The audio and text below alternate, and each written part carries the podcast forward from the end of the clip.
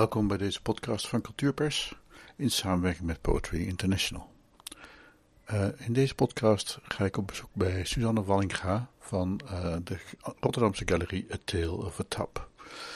Um, we praten over uh, vier kunstenaars, we praten over gated communities, we praten over dichtkunst. loop met ons mee en je zult zeker onder de indruk zijn.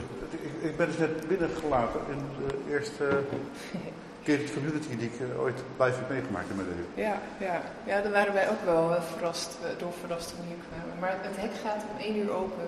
Ja, ja. Dus het is tijdens onze openingstijden is het altijd open, zeg maar. Maar dat heeft wel het voet in de aarde gehad ja. bij de woonstad. Ja.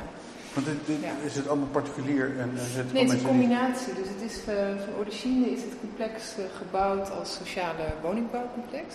De jaren 20. En um, tot de jaren 60 is het goed in gebruik geweest met het badhuis hier in het midden. Dus wij zijn hier nu in het badhuis.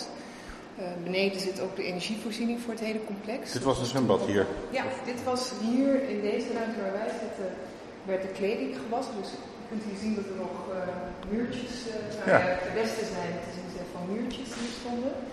Daartussen in Tobbus, daar werd kleding gewassen. Hier werd het gedroogd. En boven zit Wilfried Lens, een commerciële galerie. Die heeft nog drie etages en daar uh, waren de douches en de baden. Oké.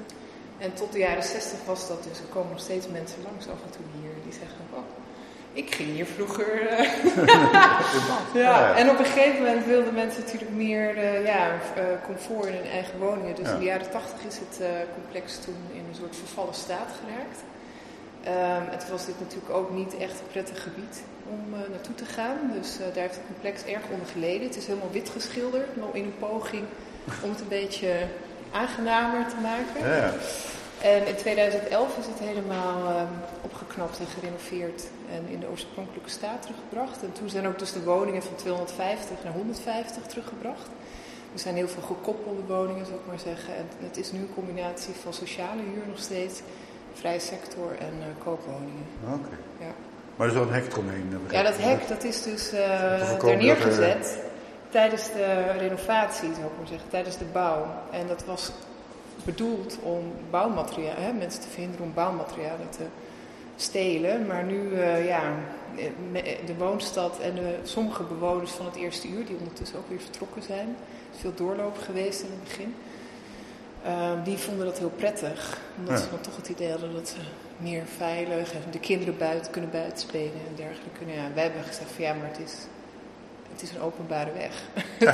het is bedoeld tijden en wij zijn een publieke instelling. Dus het, in ieder geval tijdens onze openingsuren is het open. Maar op zondag is het overdag uh, uh, dus gesloten tot één uur, zou ik maar zeggen. Ja, ja. Fascinerend. Ja. ja. En het complex staat bekend omdat het um, voor het eerst een hoge straat heeft. Zo, oh, oké. Okay. Die, die, die, betonnen weg, zo, ja. die is heel breed en die loopt door het hele complex. Dus je kunt helemaal rondlopen en dan konden Melbourne bijvoorbeeld aan de deur verkopen. Want er zaten, of zitten nog steeds uh, liften hier in het complex ook. Okay. Als u wilt kunt u de tas wel hier neerzetten. Oh ja, ja, ik zit een beetje mee te stoten, maar uh, zeg dat maar gewoon je hoor. Of, als, ik, als ik ook hier mag zeggen. Ja, natuurlijk.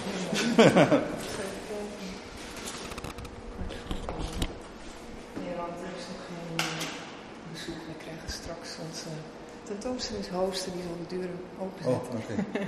Want jij bent, ja. uh, uh, het is een, het is een, het is een, uh, een jullie zijn openbaar, die, bent, jullie zijn ja. ook nog een privé, een, een particuliere galerie en jullie zijn een gemeentelijke... Wij zijn een non-profit. Ja, ja, dus dat betekent dat wij maken tentoonstellingen voor een breed publiek, zal ik maar zeggen. En zijn dus ja, gewoon te bezoeken, vaak gratis. sommige programma's, verdiepingsprogramma's met lezingen kunnen we dus nou, met een entreekaartje zijn. Maar in principe zijn we gratis uh, te bezoeken. En boven is een galerie, daar kun je ook gewoon naartoe. Maar hij verkoopt kunst. Nee, jullie zijn geen verkopers. Oké, okay, dat is... Nee. Wat wij vaak doen is dat we kunst zelfs maken met kunstenaars. Dus... Uh, Um, wij werken vaak heel nauw samen met kunstenaars en maken dan vaak nieuwe producties. En dan, dat heeft ermee te maken dat we het interessant vinden om het proces van het kunstmaken zo te ondersteunen en ook te bespreken en openbaar te maken. Omdat daar vaak toch een, uh, ja, een onderzoek aan de grondslag ligt wat interessant is. Ja. Daar willen we ons mee bezighouden. Nu is dit een werk uh, beneden, dus er zijn nu vier uh, kunstenaars te zien, tijdens, ook tijdens Poetry Festival.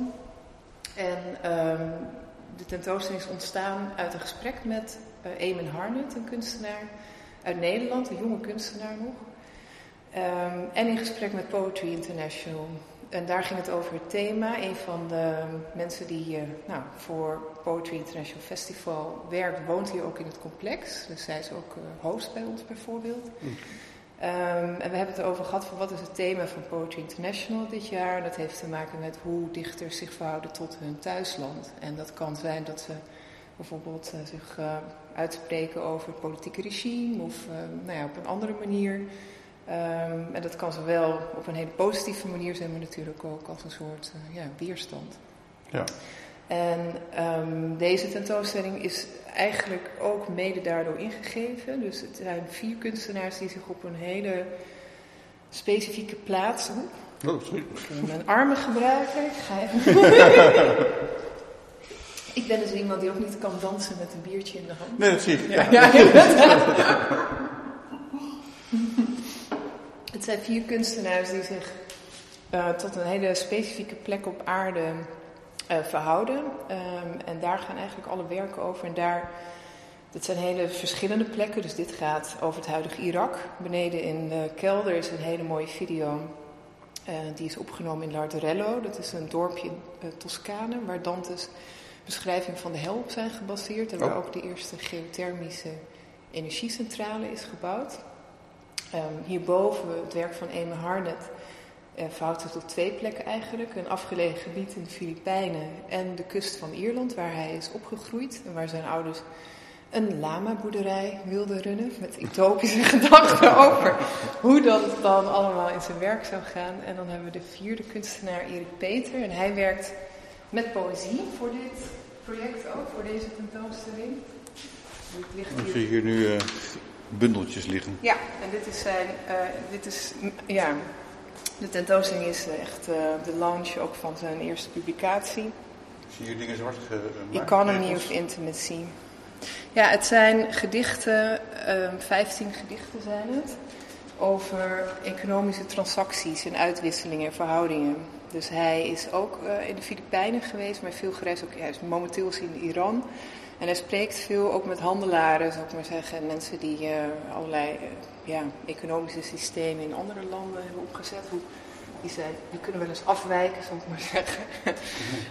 um, en hij bevraagt door poëzie de relatie tussen de koper en de verkoper.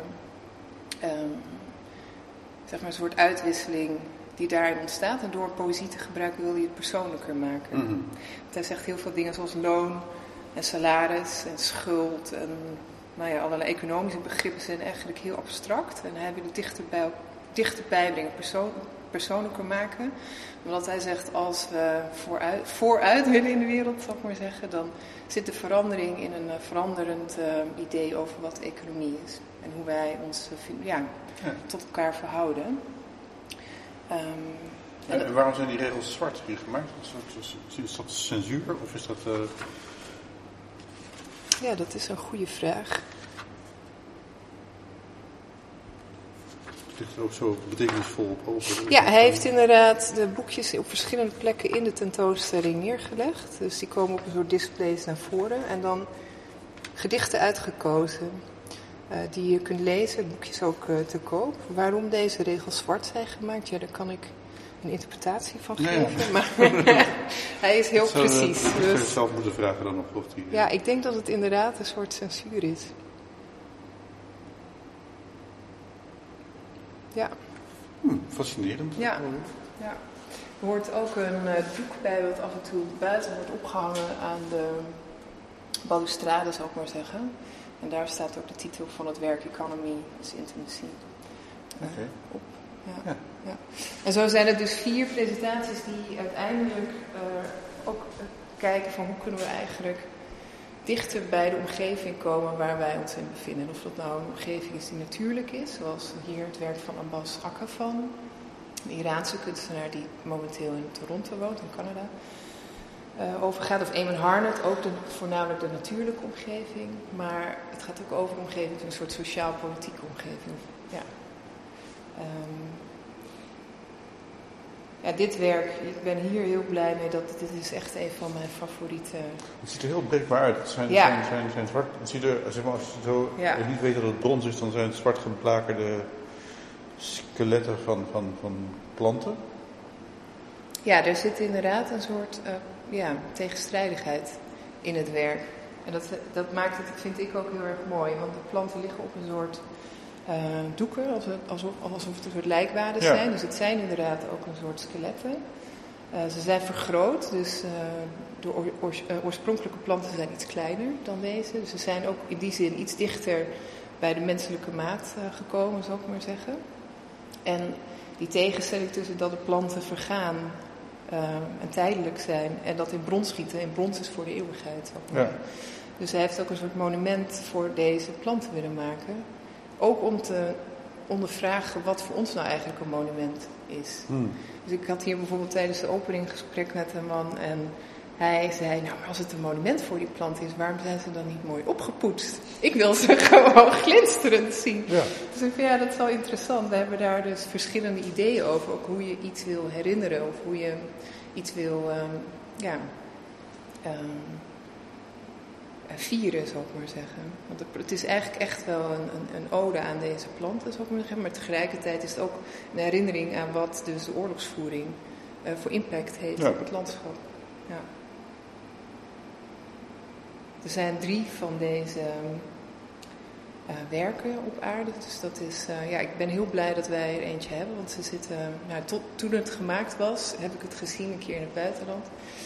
Dat was in 2014 en sindsdien is dit een werk wat continu ergens ter wereld in een tentoonstelling te zien is. Er zijn heel veel kunstwerken die gekocht worden en in een collectie belanden en dan niet altijd nou ja, hmm. te zien zijn. Die zitten gewoon in een depot, zeg maar.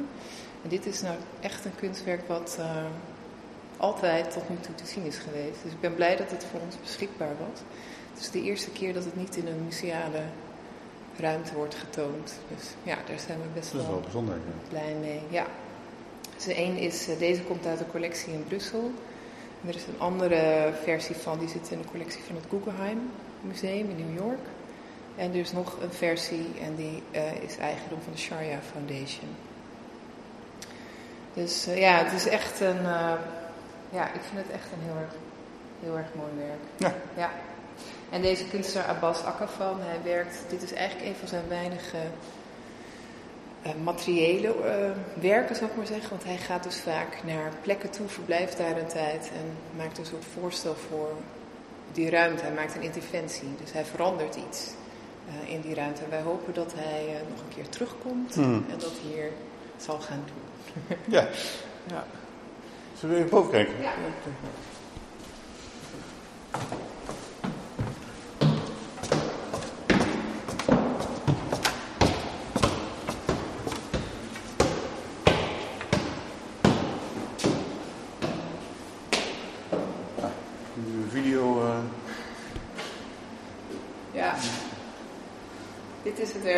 van Harnett, een kunstenaar met wie ik uh, over de tentoonstelling sprak. Uh, hij kwam met een idee naar me toe van ik wil heel graag een werk maken voor Til van Tap. En dat werk heeft ermee te maken dat ik terug ga naar mijn uh, geboortegrond, waar, ben ik ben op, waar ik ben opgegroeid.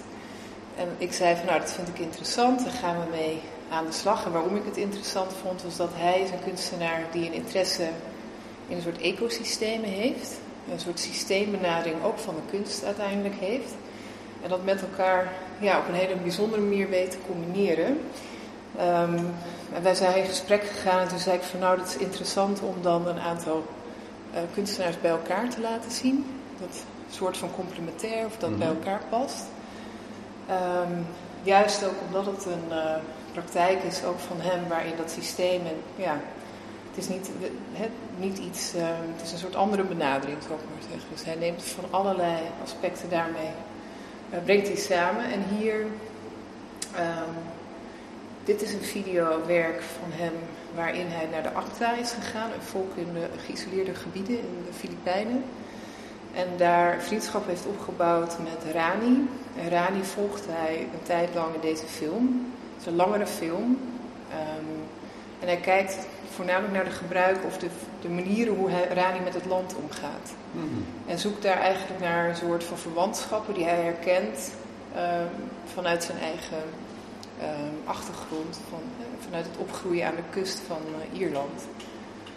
En daar zitten natuurlijk allerlei verschillen in, want voor Eamon was het ook wel ehm, af en toe zo van dan dat hij dus zag dat hij ook heel veel dingen zo, dan wil, je wil helpen of je wil dingen bijdragen, maar je ziet dat hun manier van werken zo specifiek is. En, ehm, maar goed, hij gaat daarheen en hij gaat naar verschillende plekken op aarde en ook naar terug, zoals hier, naar de lama-boerderij van zijn ouders. Omdat hij op zoek is naar een manier om ons weer dichter bij de natuur, zou ik maar zeggen, te brengen. Of de manier, manieren onderzoekt om te kijken hoe kunnen we nou beter met onze omgeving omgaan. Hoe, hoe kunnen we ons daar voornamelijk fysieker zo ook dichterbij voelen. Omdat hij zegt, er ontstaat heel veel afstand. door de ja, manier waarop wij nu leven, maar ook ehm, ja, gewoon eigenlijk de mentaliteit die we nu hebben, hoe we ermee omgaan. Er ligt ook gebeente voor de, voor de video. Het is een lama, echt. die, die ex-lama. ja, ex-lama, die hij heeft meegenomen. En hij combineert het met een um, zoutwateraquarium. Dus dat is ook een klein ecosysteem dat we hier hebben. Ja. Met zeeanemonen. Uh, dus oh, ja, verschillende zeeanemonen. Ja, dit is mijn persoonlijke favoriet, maar die zit nu dicht. Omdat die rood is. Het is een hele mooie rode kleur. Het zijn verschillende soorten. En ze zijn inheems aan de kust van Rotterdam. Oh. Dus we hebben ze deze dan specifiek uh, uit Zeeland gehaald, omdat het water daar schoner is. En wij moeten natuurlijk, ja, hè, we willen niet dat ze, willen dat ze overleven. Dus we hebben een zo goed mogelijk uh, systeem uh, geprobeerd te bouwen voor ze. En ja, zij blijven dus tijdens de tentoonstelling hier. En zeeanemonen zijn een soort dieren. Um, Mensen denken vaak dat het planten zijn. Maar het zijn dieren en ze hebben ook allerlei verschillende manieren om samen te leven. Sommige zijn veel vijandelijker. En andere kunnen echt samen ook een soort samen klonteren. En, uh... Zoals daar zie je naar zo'n bergje schelpen. Ja. Okay.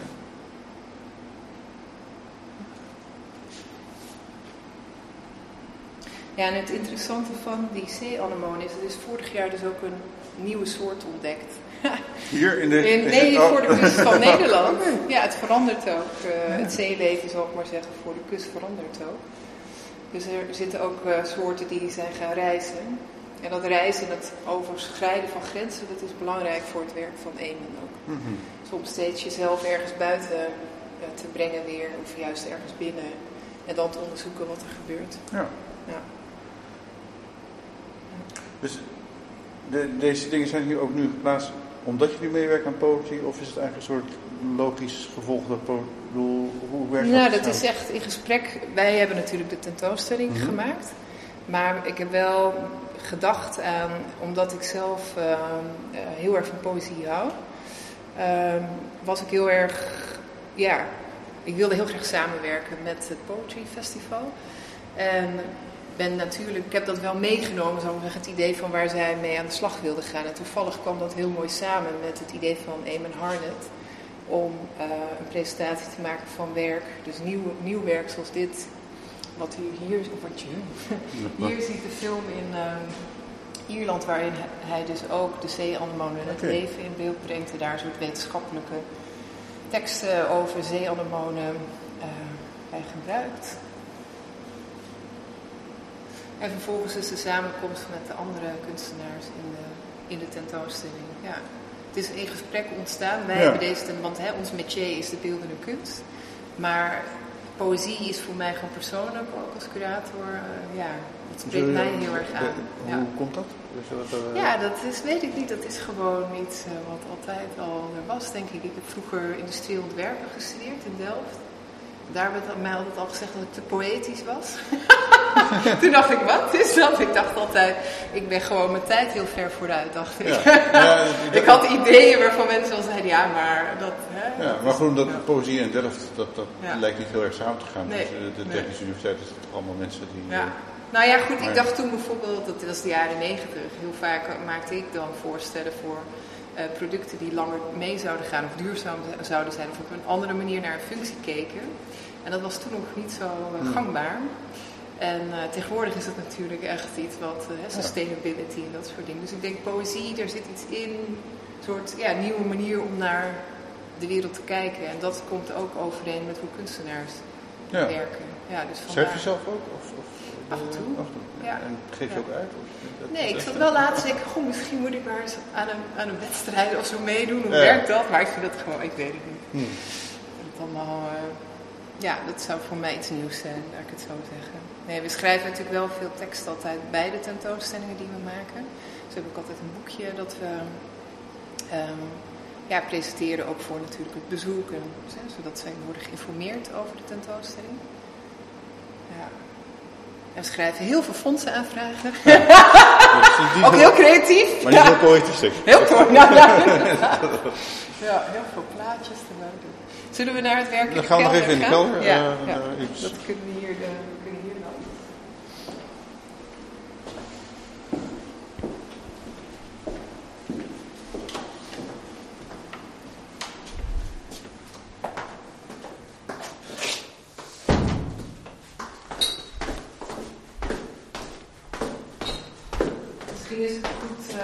eerst wat vertel voordat we naar binnen lopen. Oké.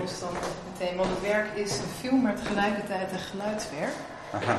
Um, waarin deze kunstenaar is een Griekse kunstenaar, Mikhail Karikis. En hij kan, wat hij heel erg goed kan, is dat hij naar bepaalde locaties gaat en dan met de gemeenschap van die plek, zou ik maar zeggen, een werk maakt. En nu heeft hij dat gedaan met 45 kinderen vanuit het dorp Laudrello. En met hen kijkt hij naar een nieuwe manier om om te gaan met uh, nou ja, de, ehm, eh, de, geothermische centrale waar ze wonen in het dorp. En het is een soort science fiction. Dus het is eigenlijk een soort in de toekomst, alle ouders die zijn weg, want het is helemaal geautomatiseerd, de fabriek. En de kinderen die nemen het over. Dus, en de film bestaat uit drie delen. Ze zingen met het geluid van de omgeving. Dus het is echt een geluidswerk. Dus hij is componist ook. Um, en dan op een gegeven moment nemen ze het over en dan lezen ze ook een soort teksten, een soort uh, over uh, een soort ja, politieke teksten zijn het eigenlijk, van hoe je opnieuw, opnieuw met elkaar om kunt gaan. Ja.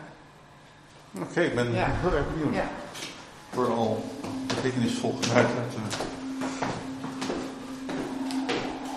En het mooie is, wij laten het hier in de kelder zien, omdat ook hier de ja, energiecentrale voor het hele complex ja